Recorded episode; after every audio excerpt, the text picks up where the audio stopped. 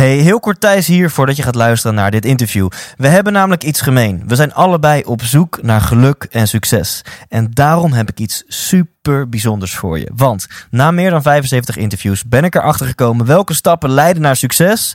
Maar ook dat succes heel vaak niet leidt tot geluk.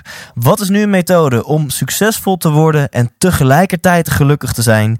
Die ontdek je in mijn e-book Leef Intens 8 lessen na 75 interviews. Dit e-book kun je helemaal kosteloos downloaden op ikwilgeluk.nl. Dus ga nu naar je browser, typ in ikwilgeluk.nl en ontdek een methode om echt gelukkig te worden.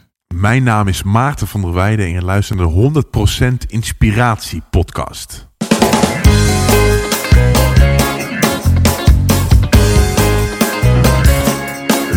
Hey, wat goed dat je luistert. Hij staat weer voor je klaar. Je wekelijkse dosis inspiratie is weer daar. De allerleukste gasten geven al hun kennis prijs. Met je veel te blije host, hij praat je bij. Zijn naam is Thijs. Thijs, Thijs, Thijs, Thijs, Thijs. 100% Thijs. Hey, goedemorgen. Welkom bij Intens 77. En allereerst excuses dat er vorige week geen nieuwe aflevering voor je klaar stond.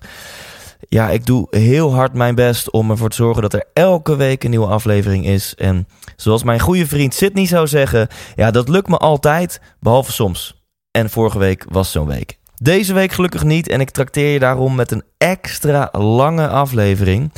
En weet je wat, over mijn gast van deze week ga ik gewoon maar twee dingen vertellen. In 2001 belandde hij in het ziekenhuis met acute lymfatische leukemie. Dat is een ernstige vorm van bloedkanker. In 2008 won hij Olympisch goud op de 10 kilometer open water zwemmen. Dames en heren, ik heb het over Maarten van der Weijden. En dit bijzondere verhaal gaat hij met jou delen. Hij gaat mijn vragen beantwoorden. Um, en ik bedank sportspeakers.nl voor mij in contact brengen met Maarten. Um, ga ervoor zitten, ga genieten. Hier is Maarten van der Weijden. 100% Thijs. Maarten, Yes. wat wil jij worden als je later groot bent? ja, weet ik niet. Nou, het is dat je. ehm, ik ben wel een dromer, dus ik, ik, ik denk redelijk ver vooruit. Maar wel een lengte van een, van een jaar of drie, vier, vijf of zo. Dus ik ben niet iemand die zegt: Goh, daar wil ik over twintig jaar staan. Dat, dat kan ik niet bevatten wat er dan in zou Ja. houden. Is misschien ook helemaal niet realistisch om nu te bedenken waar je over 20 jaar wilt zijn. Nee, is nog wat ver. Ja, want je bent piepjong, je bent 36 lentes jong, toch? Ja. Eh, drie, vier jaar. eh, vertel eens, waar wil je dan zijn over drie, vier jaar? Nou, eigenlijk is het dat ik eh, dat mijn grote doel is dat ik volgend jaar de, de Elfsteden wil, Elfstedentocht wil zwemmen. En dat dat, dat, dat mijn grote droom is en mijn grote doel is. En het voelt een beetje alsof ik in een situatie ben een jaar voor de Olympische Spelen. Waar ik heel erg hoopte dat ik Olympisch goud zou halen. En dat er nog een jaar te gaan was en, en keihard trainen. En dan kijken of het dan zou, zou gaan lukken. En ja, die, die, die periode kenmerkt zich ook dat er zeg maar daarna niks was. Dus het, Mm. mijn, mijn vooruitkijk, mijn vooruitkijkblik ging tot 21 augustus 2008 en daarna was er niks. En zo'n gevoel heb ik nu weer een beetje. Dus, dus ook nu, mijn blik gaat nu ook weer tot, tot 20 augustus 2018. Eh, Mm. Precies tien jaar Ja. na die eerste datum. En daarna, Dat is geen toeval, denk ik. dat is geen toeval, nee. Ja. En, en daarna is er ook weer even niks. Ja, dus ook toen in 2007, toen was je aan het trainen en ergens wilde je dat het, dat het morgen al was, denk ik. Ergens had je dat, dat denk ik te horen in wat je nu zegt. Hè? Dat je denkt, shit, ik moet nog een jaar wachten, maar ik wil nu al dat, dat goud winnen. Of is dat niet zo? Nadat je nog een, een jaar te gaan hebt en dat je heel erg beseft dat het een, een jaar is en dat je daar doorheen gaat. Eh, of dat betekent dat je dan wil dat het morgen al is, weet ik niet. Het is ook wel mooi om in die periode te zitten dat je verlangt naar iets moois wat komt. En dat het proces ook heel mooi is. Ja, en we gaan het er zo meteen nog veel uitgebreider over hebben. In elk geval als het aan mij ligt. Maar ehm, je hield in elk geval geen rekening mee, bij wijze van spreken, dat er na 21 augustus 2008, dat er na die datum, dat je daarna ook weer zingeving moest gaan halen uit iets uit het leven. Op dat moment was je alleen maar gefocust op die ene datum, dat ene doel. Ja, nou ja, weet je, het is natuurlijk redelijk cliché dat topsporters die, die, die zijn alleen maar bezig met dingen die bij hun prestatie helpen. En de gedachte wat ik na 21 augustus 2008 zou doen, ja, dat zou natuurlijk niet bijdragen aan, uh, aan die race. Uh, dus was het niet zo relevant en besteed ik daar inderdaad extreem weinig tijd in. Ja, ja mooi. En om dan nog heel even in te gaan op waar je net mee begon. Elfstedentocht zwemmen. Ik, ik voel nu gewoon een aantal luisteraars een auto langs de kant van de weg zetten van wacht, zei hij dat nou goed? Een Elfstedentocht zwemmen? Ja. Licht toe. Ja, het is uh, uh, 200 kilometer. Ik ga volgend jaar 18 augustus uh, om een uurtje of 12 waarschijnlijk in de middag in Leeuwarden ga ik starten.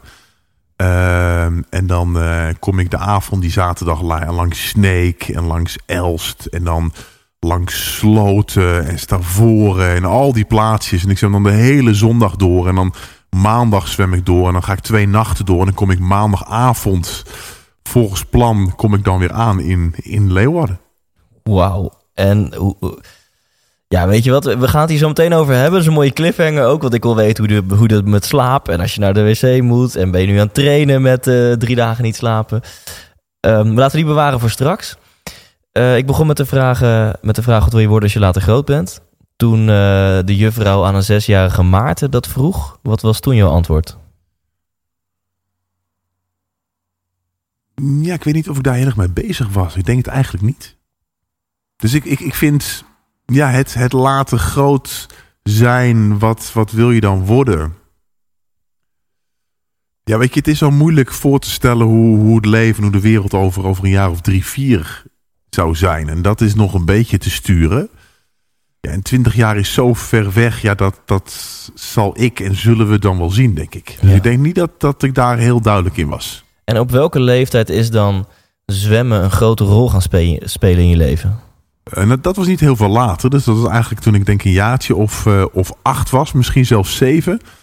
Uh, en hoe dat kwam was dat eigenlijk mijn, mijn ouders heel rationeel dachten... Goh, sport is een mooie voorbereiding voor het leven. Uh, laten we Maarten nou een heleboel sporten voorstellen. Dus ik zat toen ik acht jaar was op atletiek en op judo en op volleybal en op schaatsen. Heb alles gedaan. Ja. En vond niks leuk. En dat is eigenlijk alleen maar omdat mijn zus op zwemmen ging... dat ik het zwemmen Oh ja. wel leuk vond.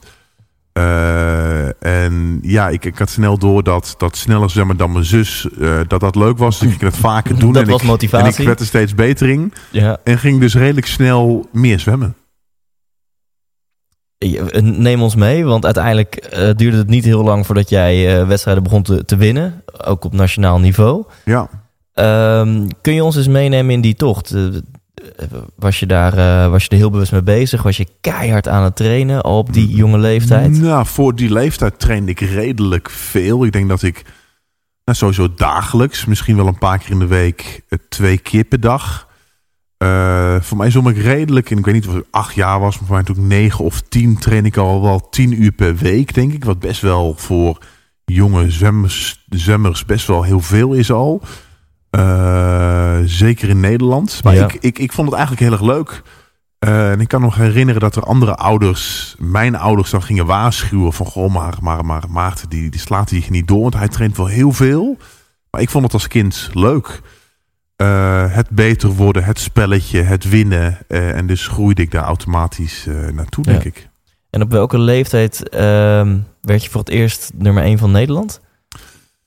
Ja, ik denk eh, jongetjes onder de tien, denk ik. Ja. Ja, En als we dan naar die leeftijd teruggaan, hè? dat is een, een Maarten van 9 jaar oud, ja. eh, die de, in zijn leeftijdscategorie de beste was van Nederland. Als we tot op dat moment jouw succesformule ontleden, eh, wat maakte dat jij de beste was van Nederland? Uh, ik had het beste lichaam om heel hard te, te zwemmen. Dus, en je, daarom was ik beter dan die jongetjes die ook elke dag zwommen. ja, dus je zegt het wel eens eigenlijk voornamelijk toen nog eh, aanleg. Geluk dat jij Absoluut. een bouw had, dat Absoluut. jij gewoon... eh, Ja, want toen was jij mogelijk al groter dan sommige jongetjes van 12. nou groter niet. Uh, nee, dus, dus, dus ik, ik was helemaal niet, niet groot. Want ik ben nu groot, maar eigenlijk was ik als kind helemaal niet groot. En ja, eigenlijk groeide ik gewoon lang door of zo. Dus ik, ik kreeg mijn groeispurt redelijk laat. Ja. Uh, en mijn groeispurt die stopte ja, heel laat ook. Dus dat bleef gewoon lang doorlopen. En ik werd steeds groter en groter. En uiteindelijk uh, ben ik 2 meter 4 geworden. Ja. En inderdaad heel lang. Maar dat betekent niet dat ik als kind groot was. Nee, oké. Maar ik vind het wel een heel mooi eerlijk antwoord. Je zegt niet, ik trainde gewoon veel harder. Of Nee. ik trainde slimmer. Of ik had een betere trainer. Maar je zegt, nou, toen... Geluk. Ja, Ja, absoluut. En, en ehm, ik vind het, het verhaal heel interessant. Dus kan je eens meenemen in de jaren die daarop volgden. En, en hoe zwemmen eigenlijk een steeds belangrijkere rol begon te spelen in je leven. En ehm, Ja. ja. of je dan ook al snel begon te dromen van, van goud of wereldkampioen. Dat soort titels. Nou, dat dromen niet. Uh, ik, ik, en achteraf is dat, dat wat makkelijker uh, terugkijken. Maar ik, ik, vond, ik vond het doelen stellen leuk. En ik vond mezelf verbeteren leuk. En dat ik, dat ik steeds ietsje sneller werd. Uh, en sneller worden doe, doe je ook doordat je, doordat je meer gaat trainen. Dat je slimmer gaat trainen. Dat je daar steeds een stapje verder in maakt. Uh, en zo ga je daar steeds meer tijd in stoppen. Ga je steeds meer keuzes maken voor het zwemmen. En ga je steeds harder zwemmen. Ja. En um, ja, vast voor naar een paar jaar later. Uh, je, je, was toen al professioneel zwemmer, volgens mij, in 2001. En toen kreeg je ineens een aantal bijzondere klachten. Ja. Ja, uh, dus, dus ook dat was na en, en professioneel zwemmer was ik niet. Ik deed er een, uh, dus ik deed een studie wiskunde, maar het is wel zo dat ik zo min mogelijk tijd op de universiteit rondliep en vooral weer snel terugging om te gaan trainen. Uh, maar ja, er was opeens een periode dat ik, dat ik veel langzamer ging zwemmen. En toen uh, ging ik bedenken waar het aan lag. En lag het aan mijn trainingsschema's, lag het aan mijn training. Ik kan me ook herinneren dat ik en mijn trainer toen ook discussies hebben gehad over, ja, over kleinigheidjes. En dat het dan niet goed zou zijn volgens mij. En dat ik hem wel dingen verweet onterecht. Uh, maar dat het, dat, het, ja, dat het niet ging hoe ik, hoe ik wou. Uh, en het werd eigenlijk alleen maar erger. Uh, en ik kreeg wat gezondheidsklachten. Mijn gezicht ging hangen. Ik kreeg een halfzijdige gezichtsverlamming. Ik kreeg rood doorlopen ogen. Ik werd vermoeider. Ik, ging, ik moest steeds meer gaan slapen. Ik kreeg vrij dikke grote klieren. Ehm, en toen lag ik in het ziekenhuis. En toen kreeg ik opeens de diagnose leukemie. En toen? Ja, toen was alles even anders. Uh, dus in plaats van dat mijn jeugd ging om jezelf verbeteren, jezelf doelen stellen, uh, nadenken wat je, waar je wilt staan over een paar maanden, wat je wilt bereiken, uh, was het helemaal weg. En, en lag ik in het ziekenhuisbed en was dat even het leven. Ja. En je hebt geloof ik uiteindelijk een half jaar in het ziekenhuis gelegen. Ja. Wat, wat gebeurt er op dat moment met um, ja, met je mindset misschien wel. Met de betekenis die je aan het leven geeft. Um, word je heel bang? Um, heb je heel veel hoop? Ik ben heel benieuwd wat... wat, wat... Nee, alle, alle, ik was niet bang. Ik, ik, ook niet, ik ook niet, ging heel, ook niet heel erg naar de hoopkant toe. Uh, ik haalde heel veel rust uit, uit realisme, denk ik. Als ik het, als ik het zo, zo mag samenvatten. Ja, weet je, mijn, mijn jeugd ging redelijk over, over de maakbaarheid van succes. De maakbaarheid van het leven. Een doel stellen, hard werken, steeds meer trainen. Uiteindelijk dat je het dan haalt. Uh, en ik lag in het ziekenhuis. En het leven was zo niet wat ik gewild had. en hoe kan dat dan toch? Want vanuit het idee van de maakbaarheid van het wereld... moet je dan iets zelf verkeerd gedaan hebben. Terwijl rationeel kon ik wel beseffen en verklaren dat dat grote flauwkul was. Ja. Want ik lag daar en ik had niks verkeerd gedaan. Het was gewoon domme, domme pech. Um, en ik maakte een, een, een, enorme snelle switch in, in, mijn, in, mijn, in mijn levensvisie bijna van de maakbare wereld naar opeens het zien in kansen en in pech en geluk. En dat had een hele grote rol speelt. Eh, die vraag die me zo even stelt: van hoe kwam het dat jij sneller kon zwemmen dan die andere jongens? En dan zeg ik nu geluk. Terwijl als je mij dat als tienjarig jongetje had gevraagd: nee, ik ben beter en ik train harder, et cetera, et cetera. Eh, en die switch die kwam in het ziekenhuis heel erg. Ehm, en die ging ook wel weer, weer redelijk ver door. Waardoor ik hem ook wel doorberedeneerde. En dacht, ja, weet je, als ik lig nu in het ziekenhuis, ik heb een behandeling, ik krijg een behandeling en het, het zal mijn leukemiecelletje en het zal die chemokuur zijn. En dat gaat dan samen en dan kunnen er twee dingen gebeuren. Of die leukemiecel die gaat dood en die is weg. Of die leukemiecel die blijft zitten. En het, het verschil tussen die twee scenario's is weer pech of geluk.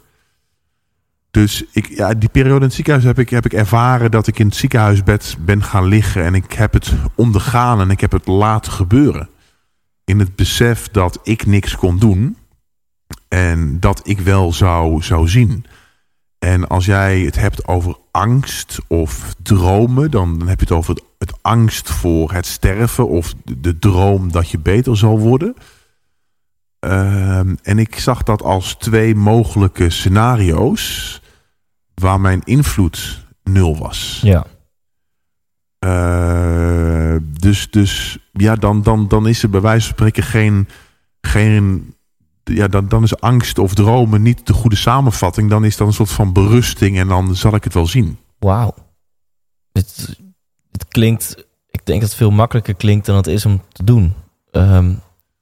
Ja, maar ik weet ook niet of dat een keuze is. Dus, dus ik, ik denk dat dat, ja weet je, uiteindelijk, uiteindelijk gebeurt dat.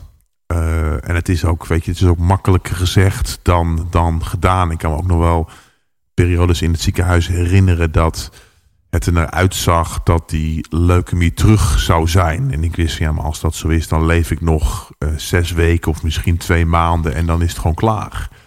En ik kan me herinneren van die periode dat ik dan bedacht, ja, maar dan, dan is het dus klaar. En wat betekent dat dan? En dat ik dat dan voor me zag. En uh, ja, ook wel ook wel een soort van rust vond in... Ja, maar ik kan daar niks aan doen. Dus het gebeurt dan en kijk terug op mijn jeugd. En uiteindelijk heb ik een, een prima jeugd gehad. En ik kan tevreden zijn over hoe het ging. En ik kan mezelf niks kwalijk nemen. En ik heb gewoon pech. Ja.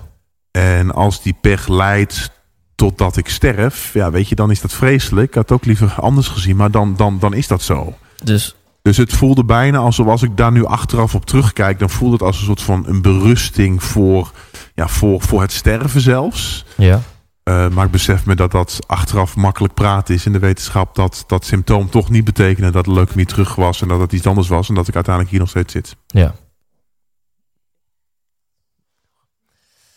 Um, dus daarvoor leeft je altijd vanuit de filosofie: ik ben 100% verantwoordelijk. Het leven is 100% maakbaar. Ja. Ineens heb je gewoon domme pech. Ja.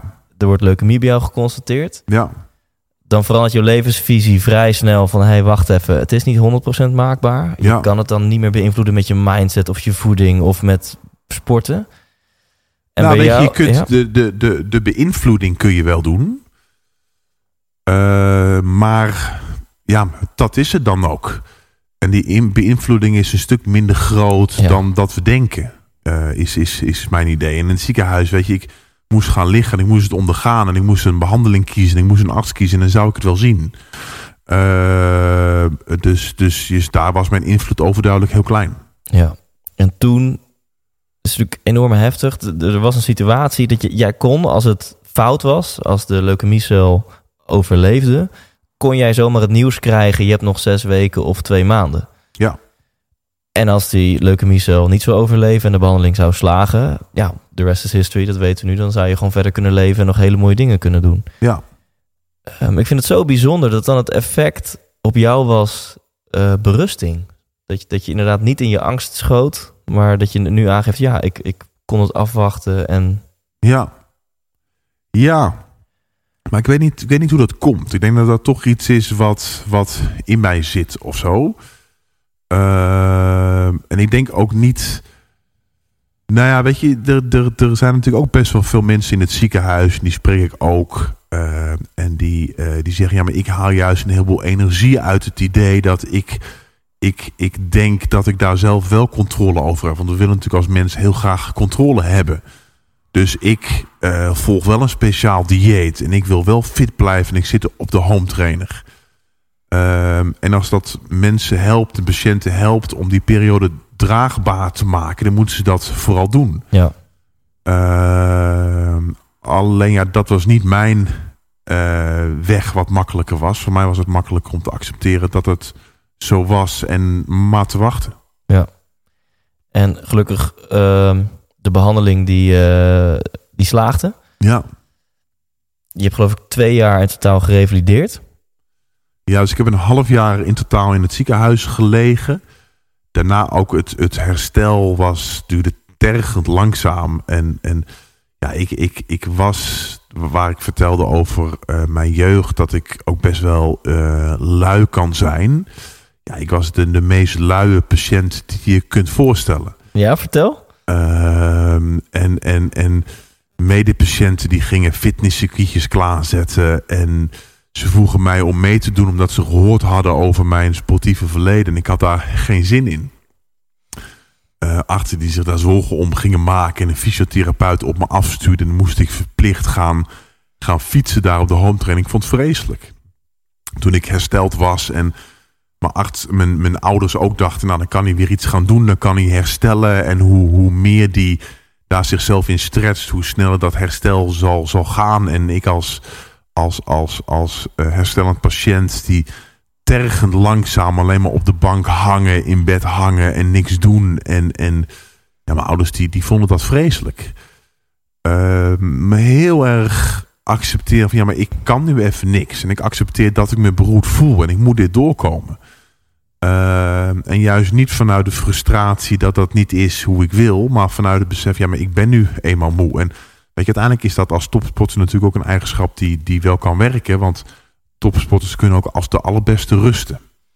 En ja, dat, dat heb ik van nature wel heel in. Daar heb je veel aanleg voor. Daar heb ik heel veel aanleg voor. Ja. En na een tijdje dacht je wel, let's rock and roll. Want als we gaan kijken naar wat jij daarna, na 2003, hebt bereikt. Ik bedoel, in 2004 zwom je het fucking IJsselmeer over. Ja, Eh, dat is een... dat Ja. was al redelijk ver. Ja, ja, en- Ja, ver- vertel. hè, De, de- is dat een bewuste keuze geweest toen je eenmaal helemaal gerevalideerd was? Dat je dacht, oké, nou ga ik even de wereld laten zien wat je kan bereiken nadat je... Ja, eh, zo'n nou, ik, ik, ik kwam er in die periode was ik heel erg bezig met, goh, maar waarom heb ik dat geluk wel gehad? En ik had, ik had eh, ziekenhuisgenootjes die dat geluk niet hadden en, en stierven. Dus heel erg bezig met, ja, maar waarom ik wel en zij niet? En, en, en ik kwam er ja, nogmaals rationeel ook achter dat dat, dat dat pech en geluk was. En dat het een behandeling was en een stamceltransplantatie die, die, die mij geholpen had. Eh, ik kwam erachter dat KWF kankerbestrijding is de financiering van dat kankeronderzoek een hele belangrijke rol heeft gehad. Ehm, en vanuit dat besef voelde ik me ook enorm dankbaar. Eh, eh, en vanuit dankbaarheid ja, wil je iets terugdoen. En daarom dacht ik van nou, als ik nou het IJsselmeer overzwem om te laten zien dat kanker niet altijd het einde hoeft te betekenen, dan kan ik zodoende eh, geld voor kankeronderzoek inzamelen. En daarbij voor kankerpatiënten een steentje bijdragen. Wauw. En ehm, was het voor jou een bewuste keuze? Ik ga 120% mijn zwemcarrière weer oppakken en eh, kijken hoe ver mijn potentie reikt? Ja, nou waar ik als kind met zwemmen begon omdat mijn ouders dat een handige stap vonden. Ja. Eh, waar ik bleef zwemmen omdat je in een omgeving bent waar iedereen het knap vindt dat jij zo hard zwemt. eh, en waarbij vooral gestimuleerd wordt dat je dan doorgaat. Zonder dat het een hele bewuste keuze was eigenlijk. Je wordt een soort van, van eh, ergens ingetrokken. Zonder dat je die keuze bewust maakt. En na het ziekenhuis, waar ik ook naast het kotsen en het, het hoofdpijn hebben en het ellendig voelen ook af en toe nog wat tijd had om na te denken over het leven en over vroeger. Dacht ja, maar wat, wat wil ik nou echt? Ehm, en daar echt lang de tijd voor, voor genomen. Eh, zelfs zelf in het ziekenhuis beloofd. Weet je, ik ga niet weer alleen maar zwemmen. Ik ga elke dag leven alsof het mijn laatste dag is. Dat dan maar na het ziekenhuis nakomen. Maar beseffen dat het ook eigenlijk heel snel eh, elke dag hetzelfde wordt en dus heel snel saai wordt. Dus dan toch maar weer een, een doel stellen. En een heel bewuste keuze maken voor het zwemmen. Eh, en dan die keuze maken voor het zwemmen voor het eerste keer dat je die dan zelf maakt. Ja, dus je, je dacht in het, in het ziekenhuis kwam je tot bezinning en dacht je, ik wil niet meer dat mijn leven helemaal gaat draaien om dat zwemmen. Ja, nee, er, is Ik- weinig, er er zijn weinig dingen die onbelangrijker lijken in het ziekenhuis dan zwemmen. Ja, Eh, dus ja, die keus, daar ga ik niet mijn tijd in steken, was heel snel gemaakt eigenlijk. en toen, toen kwam je uit het ziekenhuis, was je beter. Toen dacht je, nou, ik ga me aan mijn woord houden. Ik ga Ja. gewoon genieten, elke dag doen waar ik zin in heb. Leven Ja. alsof het mijn laatste is. En dat hield je 2,5 dag vol. Het was taai. En toen maakte je voor het eerst in je leven intrinsiek de keuze van, ik wil zwemmen. Ja, en, en eigenlijk ook zwemmen een, een, een middel. Dus ik wil een doel stellen. Blijkbaar heb ik een doel stellen nodig dat ik een prettige manier van leven heb. Ja. Dus ik ga weer zwemmen. En toen kan je ons eh, eh, meenemen van, de- we hebben het nu dus over 2003, 2004, tot aan 21 augustus 2008. Hè? Er zit Ja. nog vier jaar tussen. Ja, daar ben ik heel benieuwd naar die journey op weg naar Ja. die gouden medaille. ja. Ja, weet je, en, en het begin, hoe jij ook begon, was het, het gaat over een droom. Hè? En wanneer ontstaat die droom dan? Eigenlijk heel laat. Dus eigenlijk, ook omdat ik bezig was met mezelf verbeteren, eh, steeds een stapje verder komen. Wat eigenlijk vanuit het revalideerproces na het ziek zijn ook wel heel erg hielp. Dus ik voelde, ik voelde ook echt geen frustratie dat ik, dat, dat ik in die beginjaren langzamer zwom dan voor het ziek zijn. Ik was alleen maar blij dat ik sneller zwom dan een week eerder. Eh, continu mezelf verbeteren, sneller worden. En dat was het spelletje dat ik eigenlijk heel erg leuk vond. Eh, en het was dat ik eh, naar Eindhoven verhuisde. Omdat dat een hele logische stap was om beter te worden en sneller te worden. En dat ik Pieter van de Hoogband tegenkwam. En dat Pieter mij een soort van dwong dat ik zou gaan dromen. En, en mij ook, zoals jij ook het begin van het gesprek begon te vragen. Maar wat is dan jouw droom? En waar wil jij dan straks heen? En Pieter vroeg hem gelukkig niet voor over twintig jaar. Maar goh, wat wil je nou in het zwemmen bereiken? Wat is nou jouw ultieme droom? En toen stamelde ik nog een beetje, nou ja, het, het, het beste uit mezelf halen en mezelf verbeteren. En Pieter accepteerde dat niet. En Pieter die bleef vragen, ja maar weet je, als je toch een droom hebt, dan moet dat toch een beetje concreet en een beetje meetbaar en een beetje duidelijk zijn. En ik probeerde hem uit te leggen dat dat niet mijn drijfveer was. En dat ik gewoon mezelf wou verbeteren, omdat het een fijne manier van leven was en dat het dan goed was. Eh, en hij accepteerde dat niet. En op een dag was ik in het zwembad. En toen eh, zei, zei Pieter van, nou, ik heb er even over nagedacht. En ik weet het zeker, Maarten. Jij wordt straks Olympisch kampioen. Dus nou, dan verklaar hij had er even voor jou, had hij eventjes een droom bedacht. ja. Ja. Ja, nou, zo was het wel. Eh, en eh, ja, dan weet je, er zijn bijna alle Olympische kampioenen zijn dromers. Want dat moet toch met een droom beginnen. En ik ben wat, wat, wat, wat atypisch daarin. Ik ben, ik ben redelijk realistisch. Dus nou ja, wat een realist tegen een dromer ook doet, die gaat eigenlijk allemaal barrières opgooien. Maar dat kan niet en zijn anderen sneller en dit heb je al aan dat en dat en dat gedacht. Eigenlijk geen enkele barrière deed Pieter afstappen van zijn droom voor mij. En het enige wat hij bleef zeggen, maar Maarten, ik weet het zeker, jij wordt straks Olympisch kampioen. Wauw. En als je dat, ja, en, en dat deed hij. Maar wat hij ook deed, was dat Pieter heel erg de kracht van de herhaling kent. Dus toen ik een dag later weer in het zwembad was, zei hij dat nogmaals. En eigenlijk elke dag, als ik in het zwembad was, bleef hij dat herhalen. En als iemand elke dag iets tegen je zegt, ja, dan ga je het na een tijdje toch een beetje geloven. Ja. En dit was in 2006 of zo? 2006, ja. Ja. ja. dat is een beetje twee jaar voor, voor de Spelen. Ja.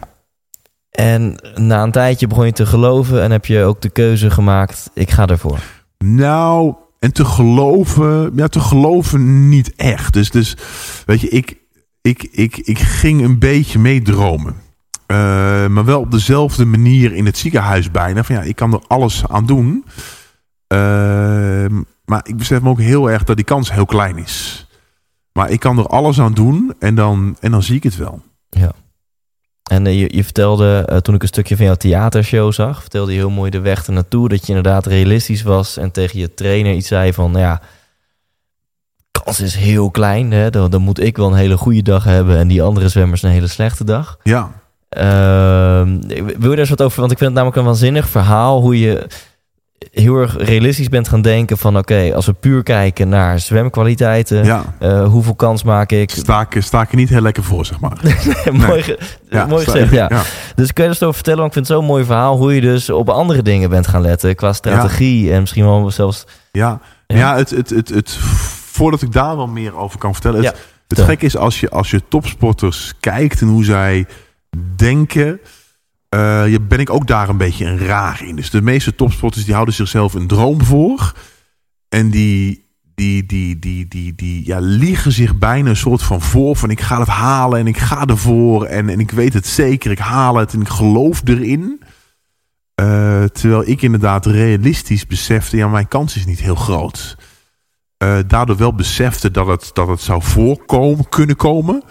Maar dat het, het waar, waar andere sporters heel erg droomden en vaak ook soms angstig waren van misschien lukt het wel niet. Mhm.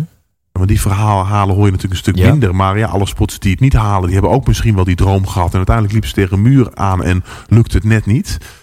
Ehm, ja, had ik een soort vanzelfde houding. Van, ik ben heel realistisch wat dan kan. En ik kan het wel halen of ik kan het niet halen. En ik zal het, ik zal het wel zien. En het voordeel daarvan is dat als je niet in die, in die extreme van dromen en van angsten zit... dan kun je volgens mij veel realistischer en rustiger nadenken over wat kan ik dan nog wel veranderen. Mhm. Ehm, en daar waren, waren mijn coach Marcel Wouder en ik echt wel, wel heel sterk in. Dus we kwamen met, met een hoogtetent, stelde Marcel voor. En we hadden een, een lichttherapie en een lichtbril en een, een langere aangeefstok en een zwempak wat, wat als allerbeste was. En we hadden over een badmuts, die moesten we eigenlijk op. Maar dat, dat wilden we niet, want het was heel warm water. Dus we, gingen mijn hoofd kaal scheren, mijn landencode op mijn hoofd schrijven. We hadden over elk klein stukje nagedacht. Ehm, en ik denk dat dat wel, dat, dat, dat die samenwerking zo briljant was. Dat ons idee van succes en de maakbaarheid van succes van Marcel en van mij zo hetzelfde was. Dat het niet ging op om dromen en hopen, maar veel meer het realistisch in kaart brengen wat, wat onze kracht was en wat we iets minder konden. En besefte, ja, er zijn nou eenmaal andere zwemmers die hadden kunnen zwemmen dan ik. Oké, maar als dat zo is, wat kunnen wij dan nog wel doen? Eh, en zonder enige frustratie een, een plan uitstippelen wat bij ons past. eh, ja, dat, dat was onze weg naar succes. Ja, want even voor de beeldvorming, voor de, voor de mensen die wellicht onder een steen hebben geleefd. We hebben het hier over 10 kilometer open water zwemmen. Dat is iets anders dan Pieter die eh 100 meter, twee baantjes in een 50 meter bad zwemt. En omdat zo'n race wat langer is, eh, ruim 1 uur en 50 minuten in, in jouw geval, eh, is er misschien iets meer ruimte voor strategie en hoe ga je om met bijvoorbeeld... Ja en, ja, en die Ja? strategie die ontstaat ook vooral omdat als je achter iemand aanzwemt, dan heb je stroming mee. Net zoals als je met het, met het fietsen achter iemand aan fietst, dat je, dat je stroming mee hebt. Of bij het marathon schaatsen achter iemand aan schaatst. En daardoor ontstaat er een heel strategisch spel waarbij er een peloton ontstaat. En ook ja, minder snelle sporters, ja, die kunnen dan achter in het peloton blijven hangen. En dan eh, ja, hopen dat zij het, het, het, het eindsprintje dus winnen. die, die eerste 9 kilometer wil je misschien helemaal niet op kop liggen. Nee, mijn, mijn eh, besef was, ik ben niet de allersnelste zwemmer. Dus ik moet het eigenlijk vooral hebben van mijn kracht sparen. En hopen dat ik dan het eindsprintje kan winnen. Dat was mijn enige kans. En je, je, je zei net heel veel met heel weinig woorden. Je noemde wat over je muts en over een aangeefstok en over eh, lichttherapie en een tentje. Wil je daar misschien eens iets meer over uitweiden wat nou dus jouw masterplan was om kans te maken om die race te winnen? Ja, nou ja, mijn, mijn dagbesteding, ik denk dat ik hem daar het beste aan kan, kan linken. Ja. Was dat ik 's ochtends eh, vroeg opstond vanwege de, de ochtendtraining. Eh, maar dat ik dan direct een, een lichtbril opzette. En die lichtbril die moest ervoor zorgen dat mijn bioritme sneller op gang kwam. En ik ook met meer kwaliteit de ochtendtraining kon zwemmen. Eh, vervolgens ging ik met die lichtbril op ontbijten, wat oké was. Maar ik ging ook met die lichtbril op naar het zwembad fietsen. ja. Dus mensen zagen in het donker nog, om weet ik veel, zes uur 's ochtends, een Maarten op de fiets met, met een, een bril op die licht geeft. Ja, ja, en dan keken ze me aan en ik was stoïcijns aan het doorfietsen, want ik moest snel bij het zwembad zijn, want daar zou de zwemtraining beginnen. Ehm, En ja, dan had ik mijn, mijn training gehad van een uur of vier. Dan fietste ik weer heel snel naar huis. En dan ging ik heel snel in mijn uh, zuurstoftent liggen. Dus ik had een hoogtetentje. Waar ik 15 uur per dag in lag. 15. 15. En daar sliep ik in. En tussen de trainingen door lag ik daarin. Uh, en dat moest als effect hebben dat ik meer rode bloedcellen zou Want aanmaken. dat is een teentje met, met meer zuurstof dan... Nou, ik zeg zuurstofteentje, maar het zuurstofgehalte is juist minder. Ja. En daar schrikt je lichaam van. Je krijgt minder zuurstof, die wordt benauwd en die gaat meer rode bloedcellen aanmaken. En die rode bloedcellen die transporteren het zuurstof, dus daar heb je een positief effect van. Dus uh, uh, ja, dat zou, zou, zou kunnen helpen. Uh, en ja, eigenlijk was mijn complete dag ingericht op uh, ja, trucjes dat ik op 21 augustus alsnog, ook al was ik niet de allersnelste zwemmer, toch nog als eerste kon aantikken. Ja, dus uh, vier uur training, uh, lichtbureau op vier uur training, terug naar huis, zuurstofteentje. daarna, wat deed je de rest van je dag? Nou ja, dus ik had, ik had smiddags nog een keer een, een drie uur training. Dus het was, het was mijn hele dag bestonden uit zeven uur per dag zwemmen, vijf uur per dag het tentje. Uh, tussendoor het eten en het reizen een beetje. En dat was mijn leven. Wauw. Ja. En um... ja, het, het gekke is soms dan als ik dit vertel, dan vragen mensen wel, goh, maar maat, even eerlijk, is het allemaal wel waard geweest? Want nu heb je die medaille. Maar wat heb jij een jaar van je leven op een vreselijke manier besteed? En in eerste instantie probeerde ik dan altijd uit te leggen dat het tentje en het trainen ook heel leuk was. Uh, alleen dat begreep helemaal niemand. En toen besefte ik me ook zelf, ik ging ook zelf een beetje beseffen dat het ook een beetje natuurlijk een flauwekul verhaal was. En toen besefte ik me van ja, als ik terugga naar vlak na het ziekenhuis, waarbij ik heel bewust de keuze maakte, of het besef had wat voor mij het leven mooi maakt, is dat ik een doel stel en dat ik daarvoor ga. En als je dat besef legt naast de dingen die ik deed, dan is dat exact hetzelfde. Ja. Dus eigenlijk omdat ik dingen deed die bij mij passen, die bij mij horen, die, die in de essentie zijn wie ik ben. Daarom vond ik zelf vijf uur per dag in een tentje en zeven Ja. uur per dag zwemmen leuk. Ja, je hebt natuurlijk een mooie uitspraak. Iets van, uh, if there's a why, you can bear with almost anyhow. Hè, dus als je maar groot genoeg motief hebt, groot genoeg reden hebt, dan, uh, dan doe je daar alles voor. Wat maakte, want, want in eerste instantie had je een beetje hulp nodig van Pieter om, om zeg Ja. maar te werken naar een gouden medaille. Wat, Ja, maar het- maar wat het- maakte dat doel dan zo groot voor jou dat jij dacht, hier heb ik dus een jaar van mijn leven voor over? Nee, maar het, het, het was dus geen grote reden. Het was dat ik extreem genoot van mezelf verbeteren. Ehm, en dat winnen was echt een bijkomstigheid. Ehm, en ik denk dat dat het ook, ook zo prettig maakte. Dat ik, omdat ik dat, dat grote doel niet zag. Dus ook al zou ik het niet halen, dat zou helemaal niet heel erg zijn. Eh, want dan had ik nog steeds dat jaar met mezelf verbeteren nog steeds gehad. En dat vond ik heel erg fijn. Ja. Eh, wat het ook een stuk makkelijker en draaglijker maakt dat je daardoor rustig blijft. Want het maakt niet uit of ik nou veertiende word omdat het even tegen zit. Of dat, dat ik win. Het is sowieso oké. Ja. Eh, dus, dus, dus er was juist geen grote reden. En is dat ook de instelling waarmee jij daar aan de start stond? Nou, je, wil, je, je, je wilt wel winnen. Hè? ja.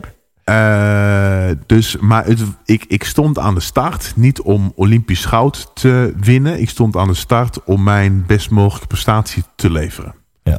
En als dat plek 7 was geweest, fine for me.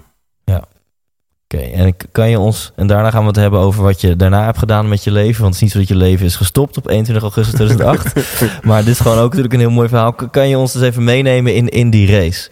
Hoe is die voor, wat was jouw beleving in die race? Ehm, Ja, die ging, ging heel lang volgens plan. Dus ik, ik stond heel lang achteraan krachten sparen. Ehm, in het derde rondje, drie van de vier rondjes, het derde rondje som ik een stukje naar voren toe.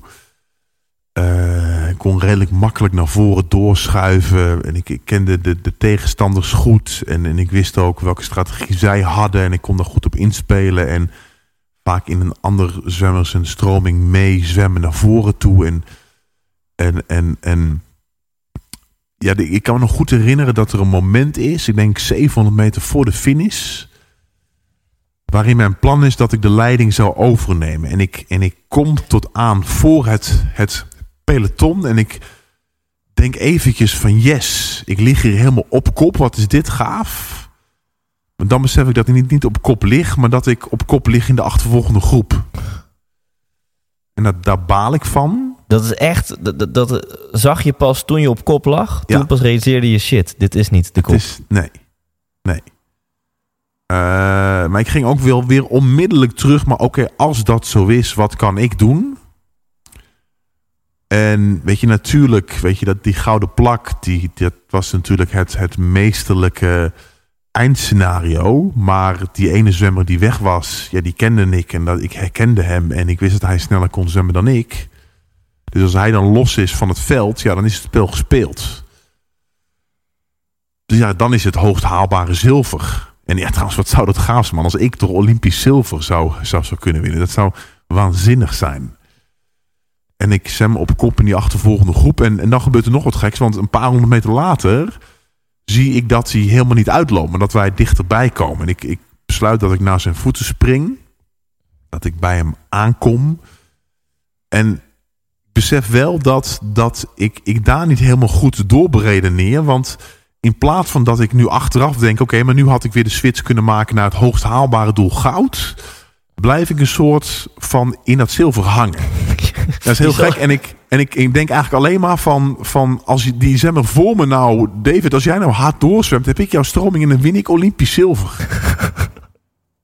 Ehm, en tot overmaat van ramp voel ik ook nog een andere zwemmer mijn tenen aantikken en kijken achterom. En dat is, dat is Thomas Loets, een Duitse zwemmer. En ik zie dat, dat ze met z'n drieën weg zijn. En ik denk, maar David, zwem nou harder door. Want dan blijft Thomas tenminste, tenminste achter ons. En dan heb ik het zilver.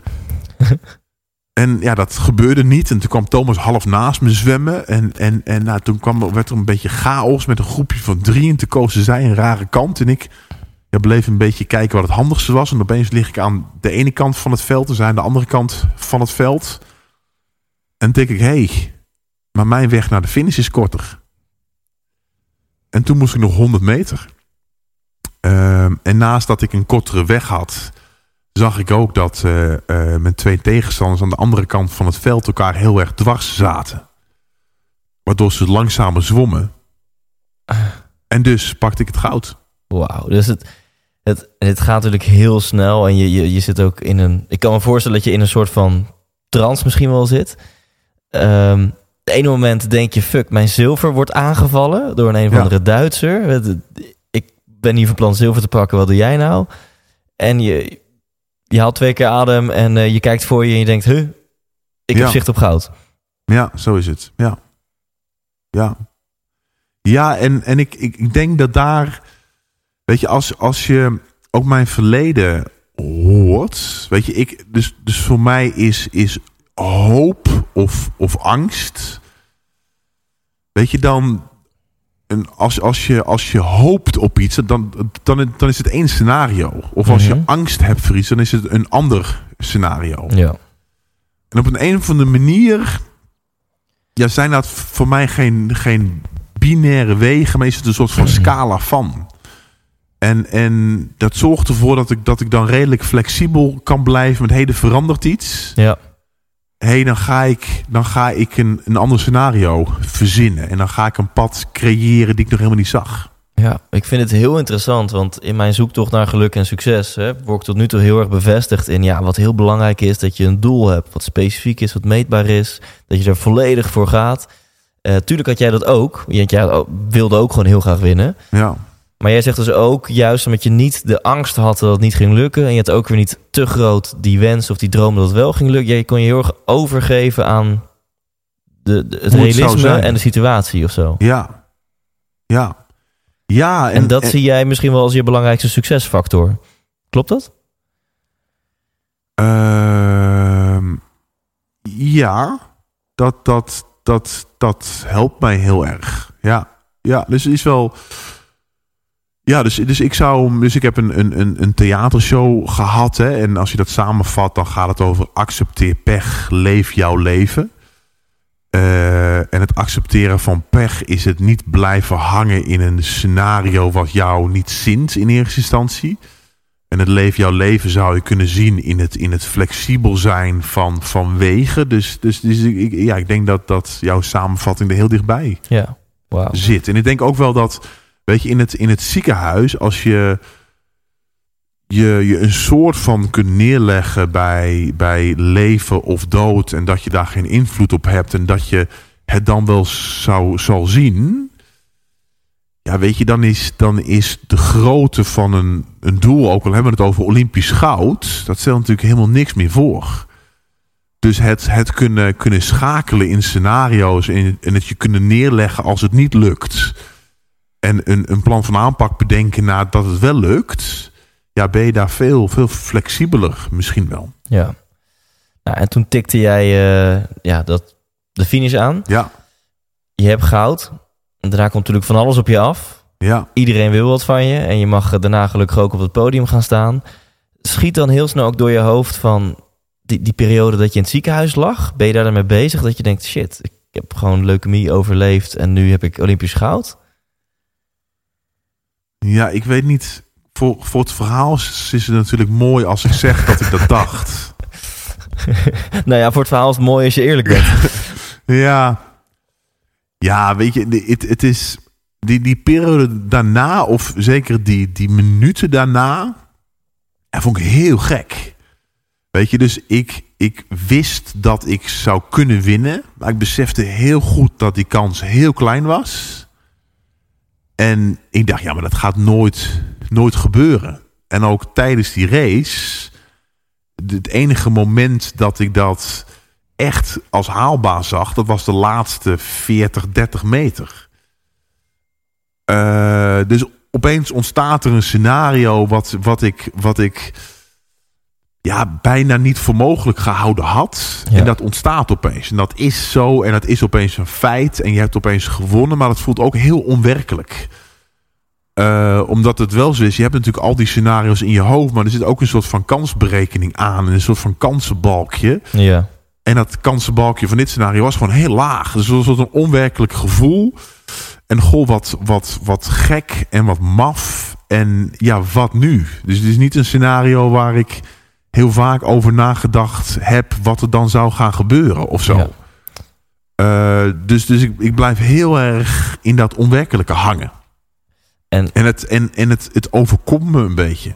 en je, je levensvisie is natuurlijk enorm veranderd door, eh, do- door je ziekte. Eh, dat gaf je net aan. Denk je als dit jou niet was overkomen en je, dat je dan mogelijk meer was blijven hangen in je filosofie van 100% verantwoordelijk, 100% maakbaar. Denk je dat het dan misschien niet of moeilijker was geworden om deze prestaties te leveren? Ja, vind, ik- vind ik een lastige vraag. Als je me deze vraag een paar jaar geleden had gesteld, had hij gezegd: nee, is onzin. En het zijn twee losse verhalen. Eh, omdat ik ook het, het, bijna het sprookje van kanker overleven en daar een Olympisch goud winnen en daar een verband in zien, ja, dat, dat vind ik eigenlijk helemaal niet prettig of Mhm. zo. Dus ik ben altijd geneigd om te zeggen dat zijn twee losse verhalen. Ja, weet je, als je, als je echt kijkt naar inderdaad die, die, die kernwaarden en wat, wat, wat heb ik in wat heeft het ziekenhuis met mij gedaan? En eh, het veranderen van, van levensvisie is er één, maar ook een hele belangrijke is het heel bewust kiezen voor dat het me bij mij past. En het veel bewuster kiezen. Eh, ja, dan, dan weet ik zeker dat als ik niet ziek was geworden, dat ik dan ook geen Olympisch goud gehaald had. Wauw.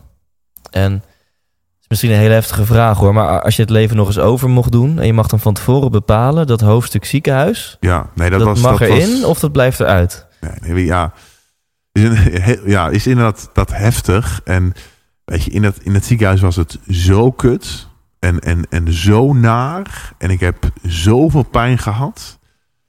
En weet je, ook, ook, ook nu 16 jaar later doet dat nog steeds zoveel pijn. En, en belangrijker, ik heb, ik, heb, ik heb lotgenoten daar eh, met wie ik een band opbouwde. Heb ik, heb ik zien sterven. Dat was zo vreselijk. Dat is het echt niet waard. Nee. Eh, dus, dus, dus zeker niet. Maar weet je, we hebben het leven niet in de hand hoe het gaat. En het enige wat we kunnen doen is dat we ja, onze kansen een beetje pakken en, en wel zien hoe het loopt en daarop inspelen. Ehm, en daar dan een, een, een draai aan geven wat, wat werkt. Ja, ik vind het een heel mooi antwoord.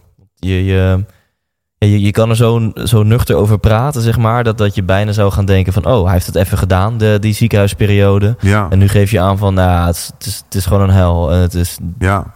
als je Nou, de keuze ja. hebt, no way dat je dat... eh, Ja, nee, het, het, Ja. het, het, het romantiseren daarvan is, is, is doodeng.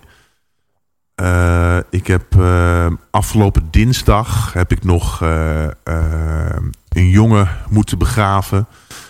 Die ik, eh, die, ik, die ik een jaar ken. Die mij een, mail stuurde. eh, en zegt, goh maat, ik voel me met jou verbonden. Ik heb jouw boek, boek gelezen. Ik ben ook 36. Ik ben ook jong vader. Ik ben ook getroffen door leukemie. Tot zover hetzelfde. Eh, maar jij hebt het geluk gehad om te herstellen. En ik zal dat geluk niet hebben. En ja, dat, dat, dat doet mij vreselijk veel pijn. En eh, weet je, dat is een enorme, enorme drijfveer voor de dingen die ik doe.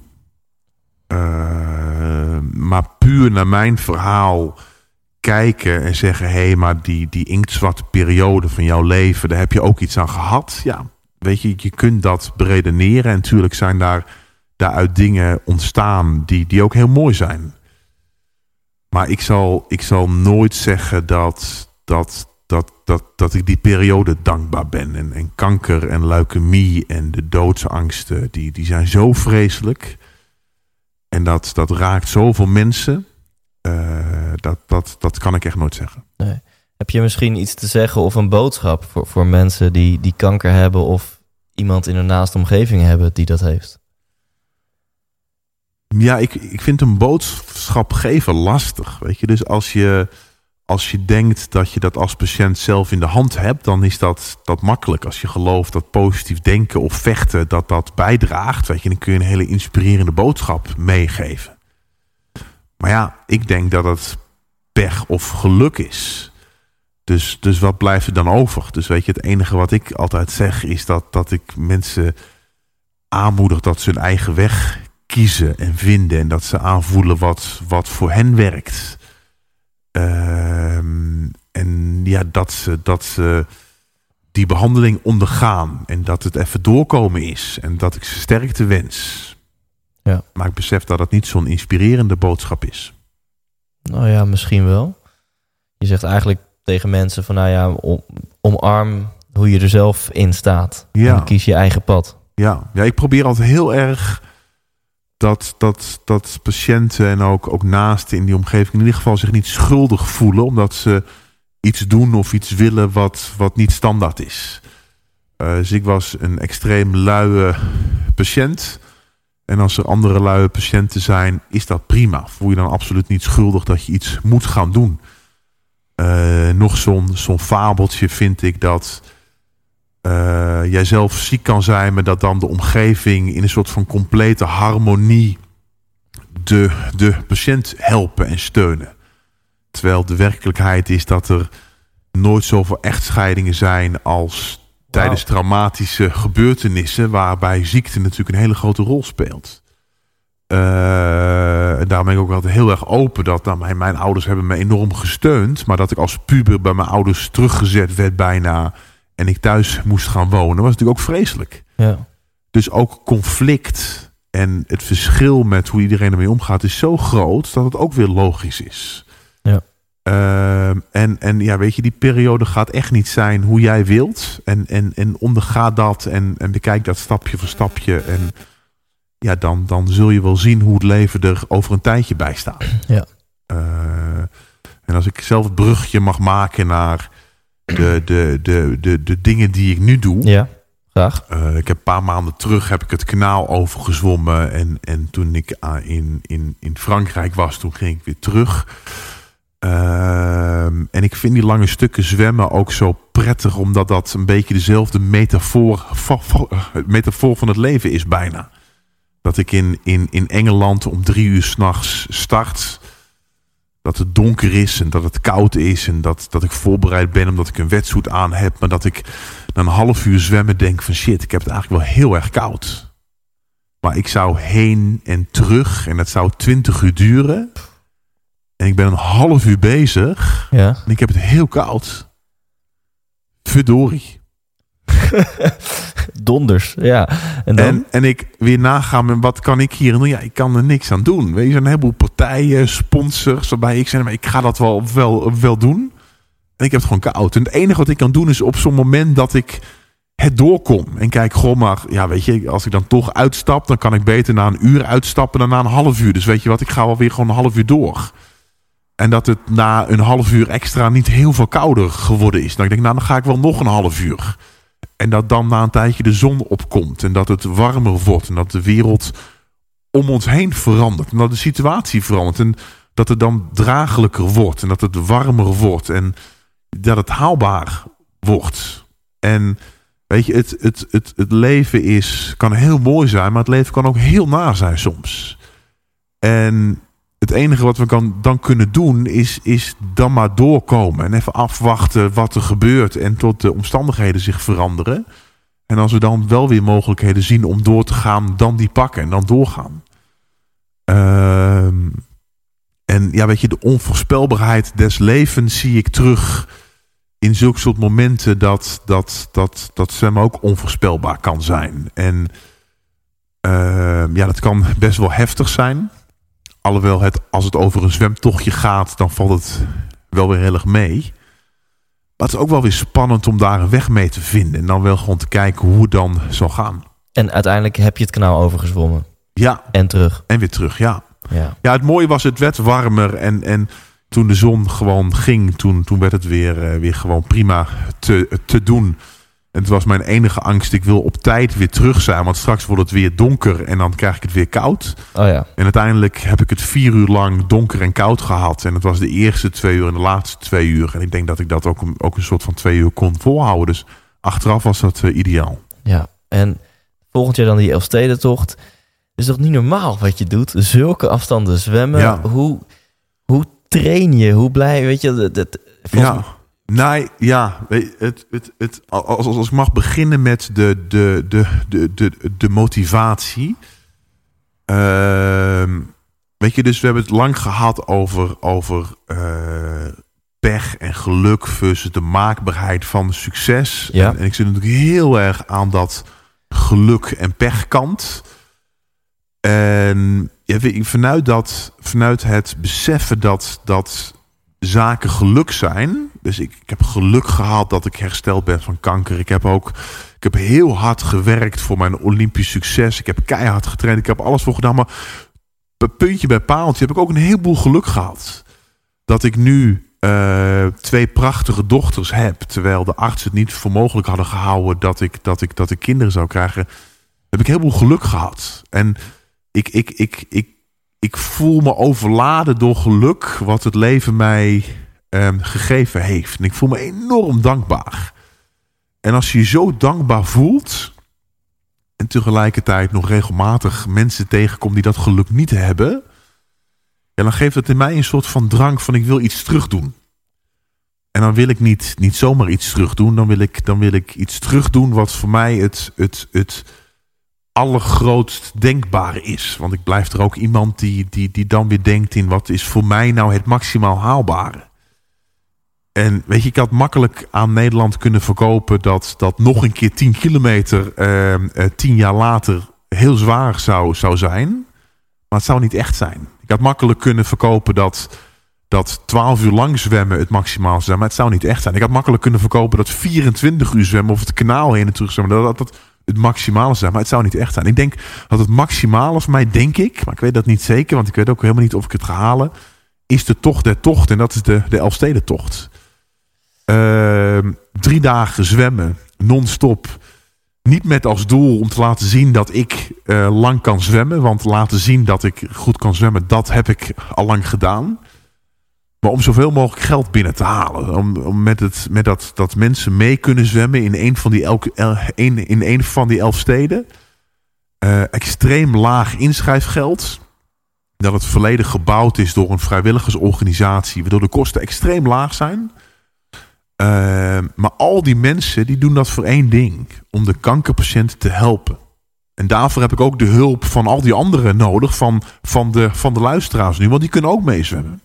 En dan vraag ik, doe mee, zwem mee, 500 meter in, in Sneek of 2 kilometer in Want mensen in kunnen achter Dokkum. jou aanzwemmen. Die kunnen Of- meezwemmen een stukje. Dus er zijn elf Ja, zwem, zwemmen Nou, evenementen. Je, je, moet van goede huizen komen, wil je jou kunnen bijhouden. Nou, dus bijhouden is wellicht lastig. Maar daarom gaat het meezwemmen evenement begint iets voordat ik er ben. Oh ja. En dan kom ik langs zwemmen in een baan.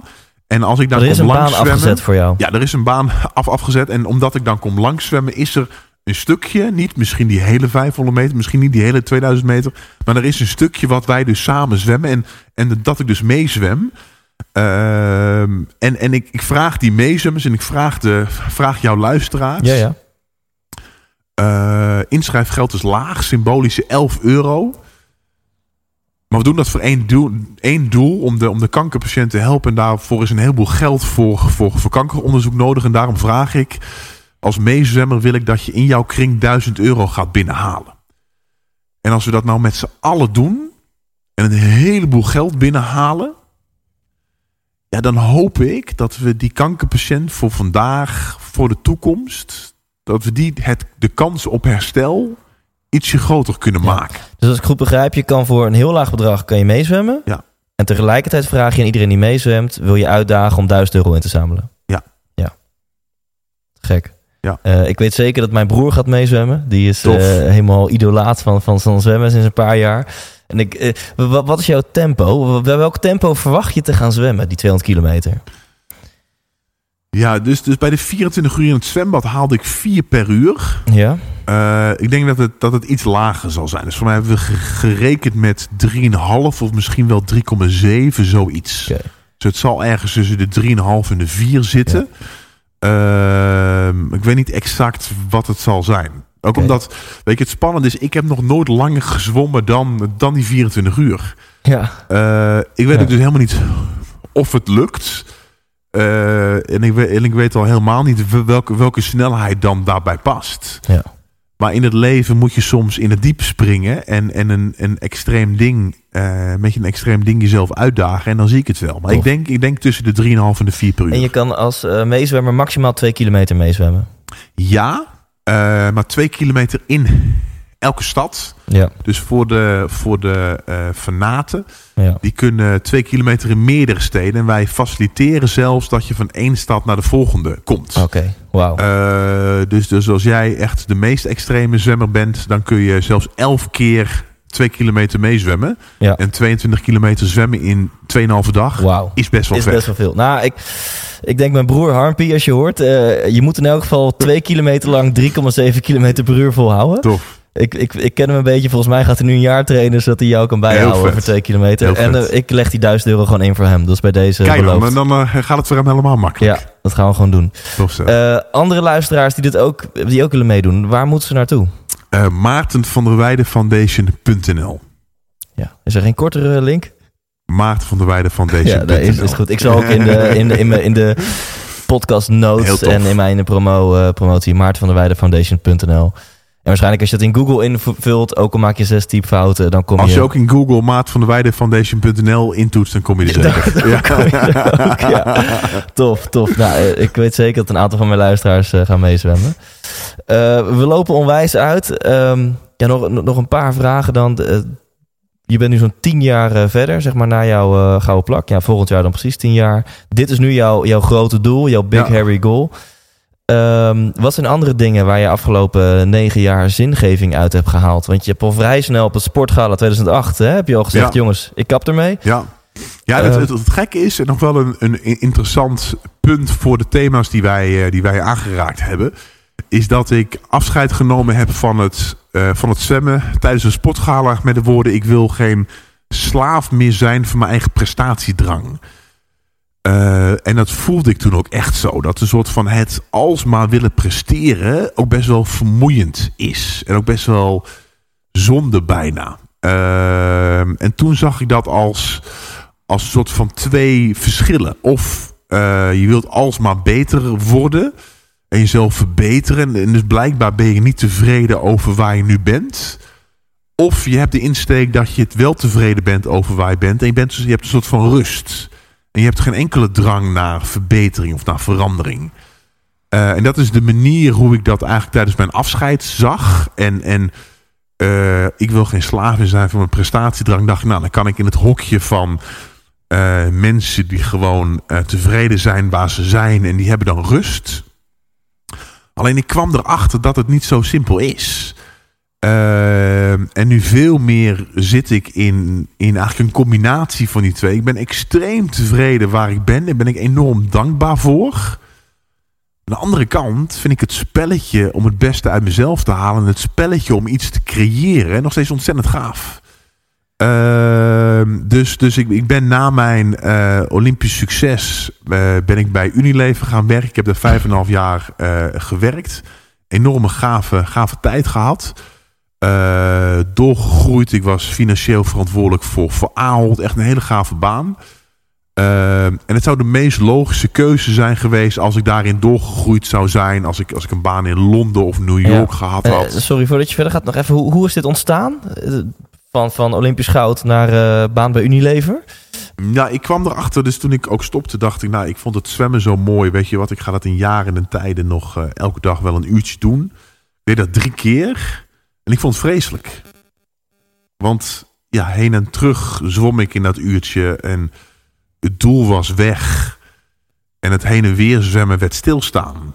En ik had een, mm, heel ja. snel door dat ik een hekel had aan stilstaan. Dus toen kwam ik ja. hey, maar het is helemaal niet het zwemmen. Het is, het is een doel stellen en daarvoor gaan. En het zwemmen was veel meer een middel. En het enige wat ik moet doen als gestopt sport is dat ik een nieuw doel stel. Ja. Uh, ging ik een boek over mezelf schrijven. Ging ik presentaties, lezingen geven. Uh, ook wel weer op zoek naar wat anders. Ik heb bij Unilever een keer presentatie gehouden. En toen de chairman van Unilever Nederland mij hoorde praten... en hoorde dat ik op zoek was naar een nieuw doel. Toen zei hij, hey, maar, maar ja, weet je, jij hebt een keer bewezen dat, jij, dat jouw manier van dingen aanpakken tot succes kan leiden. Uh, en je hebt een wiskundestudie gedaan. Dus als jij wil, dan kun je hier in een, uh, in een trainee-programma starten. Nou, dat is eigenlijk wel een heel mooi aanbod. Wow. Omdat het ook weer heel erg ging over jezelf uitdagen, iets, iets nieuws beginnen. Uh, ik vond ook in die tijd in, in een sportomgeving zijn, vond ik eigenlijk heel moeilijk. Want als het gaat om jezelf verbeteren en je bent als Olympisch kampioen bij een sportvereniging, dan heb jij wat iedereen graag wil hebben, die Olympisch gouden plak. En daar ontstaat een soort van verering. En die verering die zorgt ervoor dat je juist geen uitdaging krijgt. Want iedereen die, die, die beaamt dat jij hebt wat zij willen hebben. Terwijl ik wil juist een soort van uitgedaagd worden. Ik wil ja. weer ergens heen. Ja. Uh, dus, dus juist uit de sport, in het bedrijfsleven. En na mijn eerste jaren was ik financieel verantwoordelijk voor wasmiddeltjes, schoonmaakspulletjes. Wist ik helemaal niks van. Maar was de uitdaging het des te groter. Ja. Uh, dus daarin heel veel uitdaging uh, gehad. en het zou logisch zijn als ik daarin in, in door zou gaan. Ik heb voor Unilever in, in, in Indonesië mogen werken. Enorm bijzonder, enorm gaaf. Maar ik ging ook wel weer nadenken, oké, okay, maar wat wil ik nou echt? En even buiten die Unilever collega's die zeggen, goh, we zijn, we vinden dat jij een fantastische carrière hebt en je, en je, en je, je hebt zulke mooie banen en je groeit zo snel door, wat enorm gaaf. Besef ik ook, maar wat wil ik nou echt? En het vrijwilligerswerk wat ik altijd naast ben blijven doen, het presentaties, het mensen met raken met, met, uh, met het verhaal hoe ik tegen het leven aankijk thuis zijn bij mijn dochter, uh, die toen nog baby was, maar nu bijna drie, drie jaar is. Dacht, ja, weet je, ik zie ook wel een mogelijkheid dat ik juist dat stukje groter maak en dat ik bij Unilever stop. Uh, en dat heb ik eigenlijk gedaan. Ik heb ja, die keuze uh, niet voor die veiligheid gemaakt, niet, niet voor, de, voor de veilige vaste baan. Maar wel weer een beetje het avontuur van ik wil mijn eigen leven leiden. Het, het leven kan zomaar over zijn. En ik wil, ja, ik, ik wil mijn tijd hier besteden hoe ik zelf wil. Uh, en dat is, dat is mensen raken, inspireren door lezingen die ik geef. Door, door de presentaties die ik hou. Maar ook een heleboel vrijwilligerswerk vanuit dankbaarheid. Uh, en heel, heel ver zwemmen, veel zwemmen. Vandaar ook de, de, de Elfsteden zwemtocht. Uh, en vooral ook, want dat is het allerbelangrijkste. Vooral ook een heleboel tijd thuis zijn bij mijn vrouw en bij mijn twee dochters. Ja.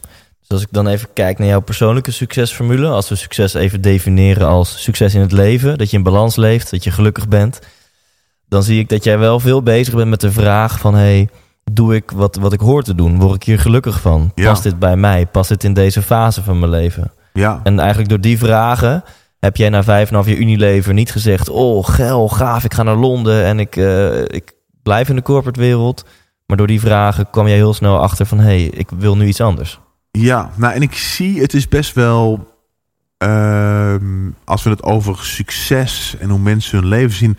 het is best wel riskant in het leven dat je... Nee, je kunt je afvragen hoe bewust maak je een keuze. Dus, dus hoe bewust maak je een keuze voor een studie of voor een baan... En als je dan eenmaal in die baan zit, of, uh, en dan word je daar een soort van meegezogen door allerlei collega's die dat dan leuk vinden. En, en uiteindelijk beland je ergens waar je helemaal niet voor, voor, voor gekozen hebt. Maar waardoor toevalligheden ontstaan is. En ik denk dat het dan heel goed is om te beseffen dat ja, tijd heel kostbaar is. En af en toe daar een stapje terug te doen en na, na te denken: oké, maar, maar is dit wel hoe ik mijn tijd wil besteden? Of is het door toevalligheden opeens ben ik ergens gekomen wat eigenlijk helemaal niet is waar ik wil zijn? Uh, het is wel de truc dat je daar een soort van tijd voor pakt. Dat je een soort van stapje terugneemt. En kijkt, maar wat wil ik nou echt? Omdat dat in de haast van het leven en de deadlines die we wel halen best natuurlijk wel lastig is. Ja. Dus een stapje terug. En bij Unilever heb ik, ben ik een wereldreis gaan maken. En, en maandenlang op reis uh, geweest. Uh, en echt eventjes tijd genomen.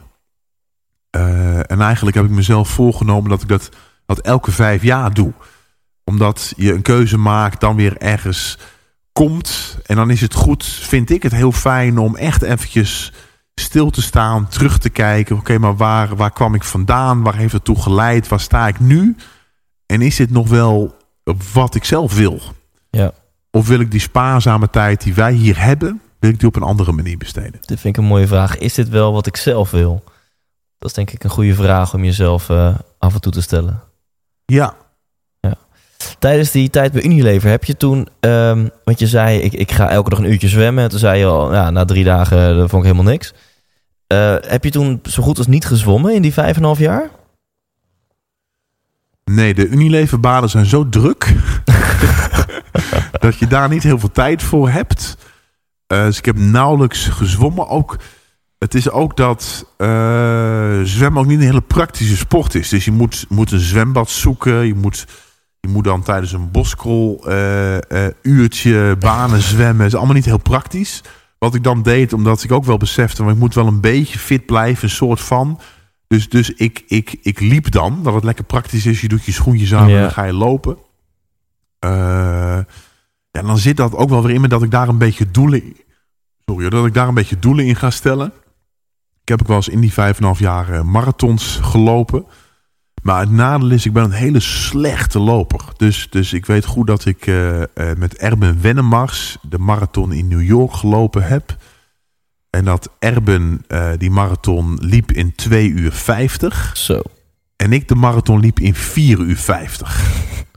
en de laatste meters ingehaald werd door obese 60-plussers. en ik besefte dat dat beeld, ook al was ik Olympisch kampioen, niet zo heel inspirerend was. Mm -hmm. uh, dus ik ben blij dat ik nu met de, de na-carrière sportieve activiteiten die ik nu doe, het zwemmen, ja. uh, hopelijk iets meer kan inspireren. Ja, ja, en dan tot slot, en dan gaan we afsluiten. Hoe ben je er nu aan het trainen? Want het is over een maandje of uh, elf. Hoe ja, ben je nu aan het trainen daar, daarvoor? Ja. Inclusief, ik denk los van de fysieke training, lang zonder slaap, dat soort dingen. Um, ja. Nou, weet je, je kunt niet trainen dat je drie dagen gaat zwemmen. Uh, dus het is grotendeels gewoon doen. Maar het is wel handig als je die lange stukken al vaker gedaan hebt. Dus deze zomer heb ik vijf keer een heel lang stuk gezwommen. Dat, dat gaat me helpen. Ik ga het komend jaar ook echt nog wel uh, lange stukken zwemmen die, die nog langer zijn. Die, die anderhalve dag duren. Misschien wel tegen de twee dagen aan zitten al. En als ik dat dan gedaan heb, dan moet dat goed, goed genoeg zijn. Dan En dan ga ik het wel zien. Eh, ik train bijna nog steeds dagelijks. Niet zeven uur zoals vroeger. Ik gebruik geen hoogtetentje, geen lichtbril. Ehm, en het is volledig niet in mijn comfortzone straks, die, die drie dagen. Maar ik ga het wel zien. Wauw, prachtig. En ehm, ja, tot slot, eh, heb je nog een, een tip voor mijn luisteraar? Heb je nog een boodschap? Ja, weet je, de, de, de boodschap. Ja, mijn boodschap is, is accepteer pech. Leef jouw leven. Heel mooi. En ga naar maartenvanderweidefoundation.nl. Ja, en schrijf je in dan. Ja, Zwem mee. ja. Accepteer pech en leef je leven. Yep, Mooi, dankjewel. graag gedaan.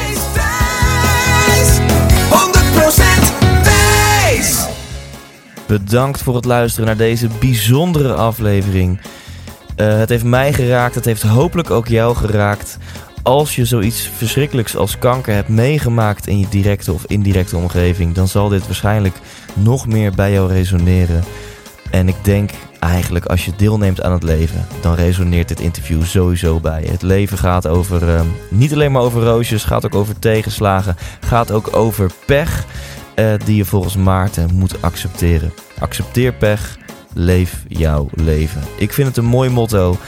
En ik zou je maar één ding willen vragen. Ga zo snel als je kunt naar de Maarten van der Weijden Foundation.nl. Maarten van der Weijden Foundation.nl. En zwem mee of doneer of vraag aandacht voor dit, ehm, dit hele mooie initiatief van Maarten. Ik hoop dat je dat gaat doen, dat je hem steunt. En dat je volgende week gewoon weer gaat luisteren. En dan hoop ik voor jou weer een nieuwe aflevering te hebben. Fijne week, leef intens en tot volgende week. Hey, Thijs hier nog even heel kort. Als je dit interview hebt geluisterd, dan ben je net zo'n gelukstijgertje als ik. En dan is er maar één ding wat je nu het allerbeste kunt doen. Namelijk gaan naar ikwilgeluk.nl, want daar download je helemaal kosteloos mijn e-book en ontdek je wat wel en niet gelukkig maakt. Oftewel, bespaar jezelf een hele hoop ellende van het zelf proberen uit te vogelen en ga nu naar ikwilgeluk.nl.